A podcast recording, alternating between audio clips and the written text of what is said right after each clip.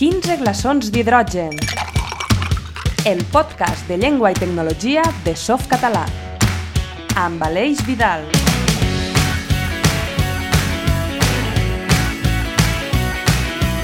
Us donem la benvinguda al primer podcast de Softcatalà.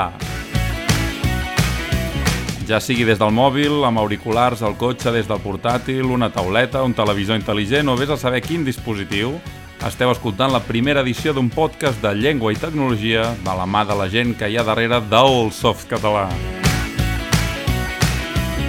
Sí, el Softcatalà, aquell corrector ortogràfic i gramatical tan famós entre estudiants i treballadors. O calla, calla, potser hauria de dir el softcatalà, aquell traductor automàtic que ens salva tots la vida quan hem de reescriure un text del català al castellà, o al revés.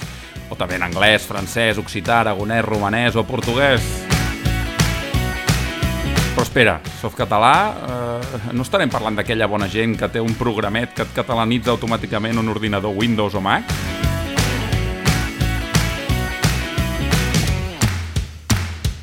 Bufa, no sé vosaltres, però jo ja m'he començat a perdre. I no sembla que potser ens hauríem de començar a trobar, ens podem trobar aquí, en aquest espai, que podem aprofitar per aclarir coses sobre què és softcatalà, però també per descobrir-ne secrets, revelar-ne sorpreses i anunciar-ne novetats.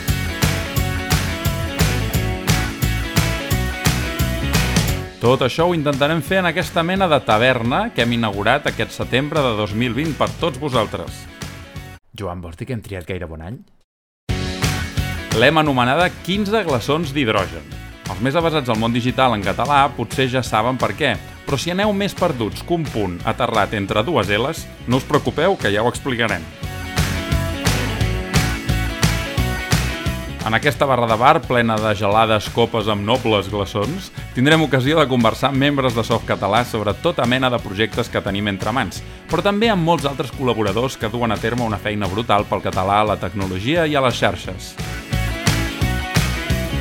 I si la llengua us agrada tant com a nosaltres, pareu l'orella, perquè compartirem petits moments de divertiments lingüístics amb frases fetes oblidades, talls de veu curiosos o correccions habituals. Tot i que això de les correccions no està gaire ben vist a Twitter últimament. Bé, com veieu, se'ns gira molta feina. Així que anem al gra i benvinguts a la taverna dels... 15 glaçons d'hidrogen.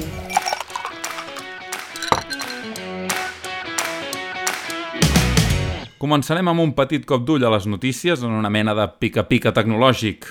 L'hem anomenat... L'aperitiu d'actualitat.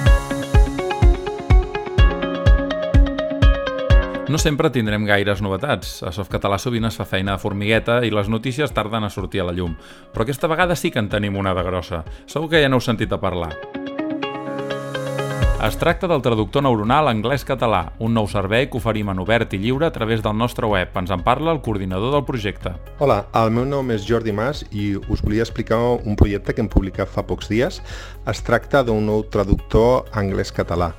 I dic nou traductor anglès-català perquè Softcatalà eh, durant molt de temps ha tingut i encara té un traductor anglès-català basat en tecnologia de, de Pertium i ara el que anunciem és un nou traductor desenvolupat en una tecnologia totalment diferent que s'anomena tecnologia neuronal que en principi té un rendiment que és superior que a part us permet traduir fitxers.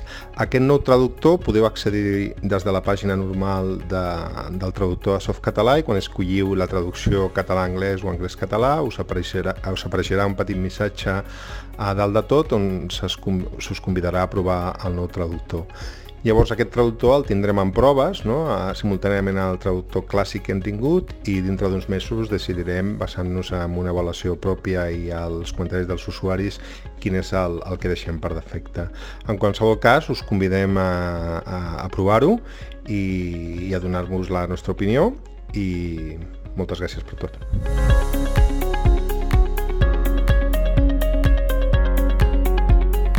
Si sou usuaris avançats, us convidem a consultar al nostre perfil de GitHub la tecnologia que utilitzem en aquest traductor. Està publicada de manera lliure i oberta perquè pugueu instal·lar-vos-la, estudiar-la o millorar-la.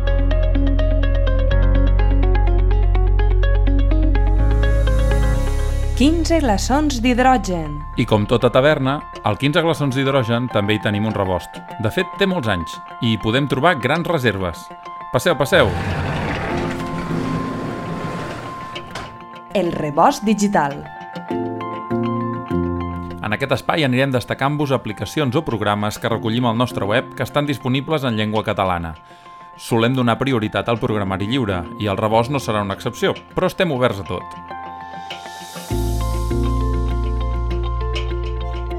Resulta que un servidor és mestre, de petits, de primària, i el setembre és el mes d'arrencada. Així que comencem recomanant-vos un dels grans del programari educatiu en català, un projecte de traducció clau que no sorgeix de softcatalà i que ja té història.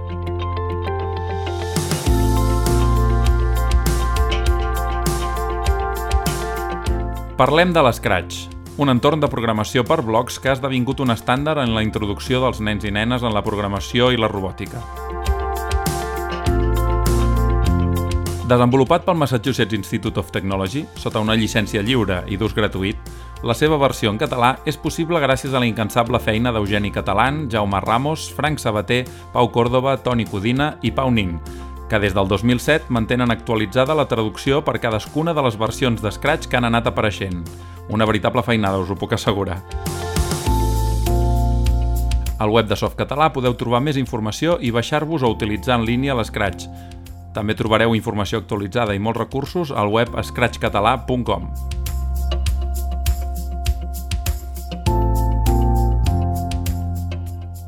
I arriba el moment de conèixer algun dels pencaires que hi ha darrere de Softcatalà. Ho farem a taula. Parem taula. Vinga, doncs, anirem per en taula per fer el primer arròs. Un arròs, sí. Bé, potser serà una bona paella valenciana. Resulta que a Softcatalà som una mica obsessius amb el tema de l'arròs i les seves variants culinàries de tot el territori. En aquesta secció, algun dels membres o col·laboradors de Softcatalà ens donarà un cop de mà per a taula mentre ens explica quina és la seva tasca o quines coses té entre mans. I no marxarà sense dir-nos com li agrada menjar-se l'arròs. Avui és el torn de l'Artur Vicedo. Hola, què tal?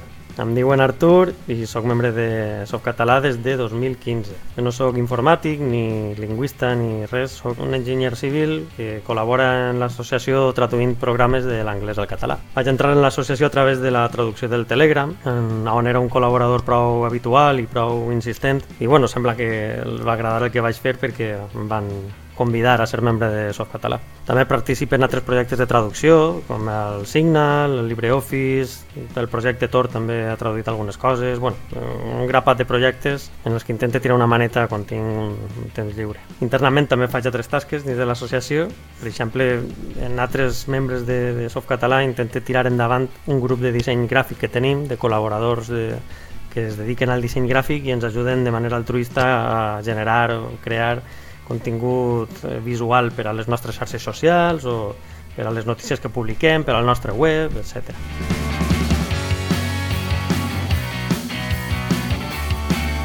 I a mi l'arròs m'agrada, com no podia ser d'altra manera, eh, al forn. I si pots en costra, millor. Au, que vagi bé. Adéu. Ja tenim la taula parada i això es comença a omplir de gent. Potser que anem demanant que encara ens quedarem amb gana. Abans de l'arròs al forn, us recomano alguna tapa. Per exemple, Una tapa de refranys. en aquesta petita secció, en Josep ens convidarà a conèixer una de les dites o refranys que es recullen a la paramiologia catalana comparada digital, un projecte de Víctor Pàmies, amb la col·laboració de Softcatalà. Una tapa de refranys, amb Josep Closa. Doncs comencem amb ganes. Tu. Qui vulgui peix, que es mulli el cul. Aquesta parèmia fa referència a l'esforç que s'ha de destinar a aconseguir qualque cosa. Se'n recullen diferents versions, la més antiga del 1831. Qui vol menjar peix s'ha de mullar-lo cul. Però també, qui vol menjar peix que es banyi es cul, a Menorca. Cap al País Valencià posen més èmfasi en la roba. El que peix vulga menjar, les bragues s'ha de banyar, a la Marina Alta. Mentre que al Pirineu sembla que l'important és el tipus de peix. Qui truites vol agafar, el cul s'ha de mullar. Al Matarranya ho fan més petitet. Qui vulgui peixet, que s'arremullo el culet. Com veieu, el refranyer català és molt ric i divers. En teniu més informació al web pccd.dites.cat. 15 glaçons d'hidrogen. Arriba l'hora del cafè. Un moment que algun cara aprofitaria per trobar errades als cartells de la taverna, a la carta, al diari... Reduïm-ne les possibilitats amb el nostre corrector. En Jaume ens en parla. Un cafè molt descafeinat o un cafè molt descafeinat? Amb Jaume Hortolà. Obrim aquesta secció dedicada a explicar anècdotes i curiositats del corrector gramatical de softcatalà. Avui parlarem dels errors més freqüents que troba el corrector. L'error més comú de tots és el simple error ortogràfic. Això passa quan escrivim una paraula que el corrector no té en el seu diccionari. Llavors, el corrector intenta suggerir paraules semblants a la que hem escrit, però sí que té en el diccionari. També pot passar que escrivim una paraula que podria ser acceptable, però que el corrector no té en el diccionari. Noms propis, noms derivats, composts... És un inconvenient una mica inevitable, perquè és impossible tenir un diccionari amb totes les paraules que existeixen i les que es creen dia rere dia en una llengua viva. Podeu ajudar-nos a mantenir actualitzat el diccionari enviant-nos propostes de paraules noves. Aquesta funció de trobar errors ortogràfics és molt important, però no és especialment interessant perquè això ja ho feien els correctors ortogràfics de fa molts anys. El que aporta el corrector gramatical de softcatalà és que també detecta molts altres errors. I quin és l'error més detectat pel corrector després dels simples errors ortogràfics? Doncs és l'accent diacrític que diferencia és del verb ser, lo riu és vida, que du accent, del pronom és. Aquí es viu molt bé, que no en du. I per què passa això tan sovint? Doncs perquè és una paraula molt freqüent i en qualsevol moment ens podem descuidar l'accent. El corrector amb aquest accent la sol encertar gairebé sempre, però hi ha algun cas dubtós, ambigu, en què no és capaç de llegir, de saber quina és la intenció de l'usuari. Voleu un repte? Trobeu algun exemple en què el corrector no encerti si cal o no posar l'accent en és.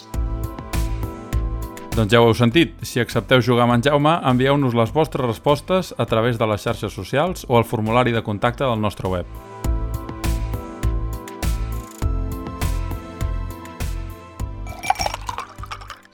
A la barra. Anem acabant per avui i ho farem apropant-nos a la barra, on s'acostumen a descobrir tota mena de secrets i curiositats. En aquesta ocasió hi trobem un històric de softcatalà. Sabíeu que el nostre primer projecte fou la traducció del navegador Netscape? Va ser cap a l'any 1997, quan Softcatalà tot just començava a fer les seves primeres passes. La versió en català del Netscape Navigator es va anomenar, en un primer moment, Almogaver Communicator, però en poc temps, i després d'un acord amb el grup Enciclopèdia Catalana, va passar a ser el navegador. Ens en fa 5 cèntims Miquel Piulats, membre fundador de Softcatalà. Quan Netscape ens va autoritzar a fer la traducció, ho vàrem, ho vàrem celebrar i ens vam posar en marxa tot d'una repartint-nos la feina entre els pocs que érem en aquell moment. Per qüestions legals no podíem fer servir el mateix nom ni les marques de Netscape i per això el producte va sortir amb un nom alternatiu. També van posar en funcionament el domini de softcatalà.org, que era on pensàvem publicar la primera versió del programa. El nom ens va sonar molt bé des d'un principi i d'alguna manera ja evocava que el navegador no seria l'únic projecte que posaríem en funcionament. Quan encara no teníem web, alguns mitjans ja s'havien fet resó de que estàvem treballant en, en la versió del Netscape en català i la web ja registrava moltes visites. Van trigar un any o prop d'un any en fer la localització del producte. No teníem ni tanta experiència ni les eines com les que tenim ara. I a la fi del 2 d'octubre de 1998 varen publicar la primera versió en una web que ens va ajudar a dissenyar en Ricard Baquer, que també va col·laborar en el, en el disseny de la imatge del, del navegador. Quan la varen publicar, varen col·lapsar l'amplada de banda del proveïdor que, que ens oferia el servei d'allotjament en aquell moment i ens va obligar a cercar ajuda amb altres organitzacions per a poder oferir llocs de descàrrega alternatius. Va ser en aquell moment quan Softcatalà va néixer a la xarxa.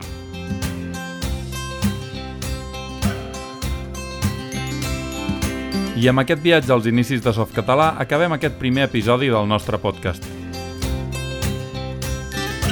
Aviat farem un quart de segle i tot just ara comencem a fer un podcast? I per què un podcast i no un canal de YouTube o un perfil a TikTok? Doncs perquè som així, tenim el nostre ritme i ens agrada.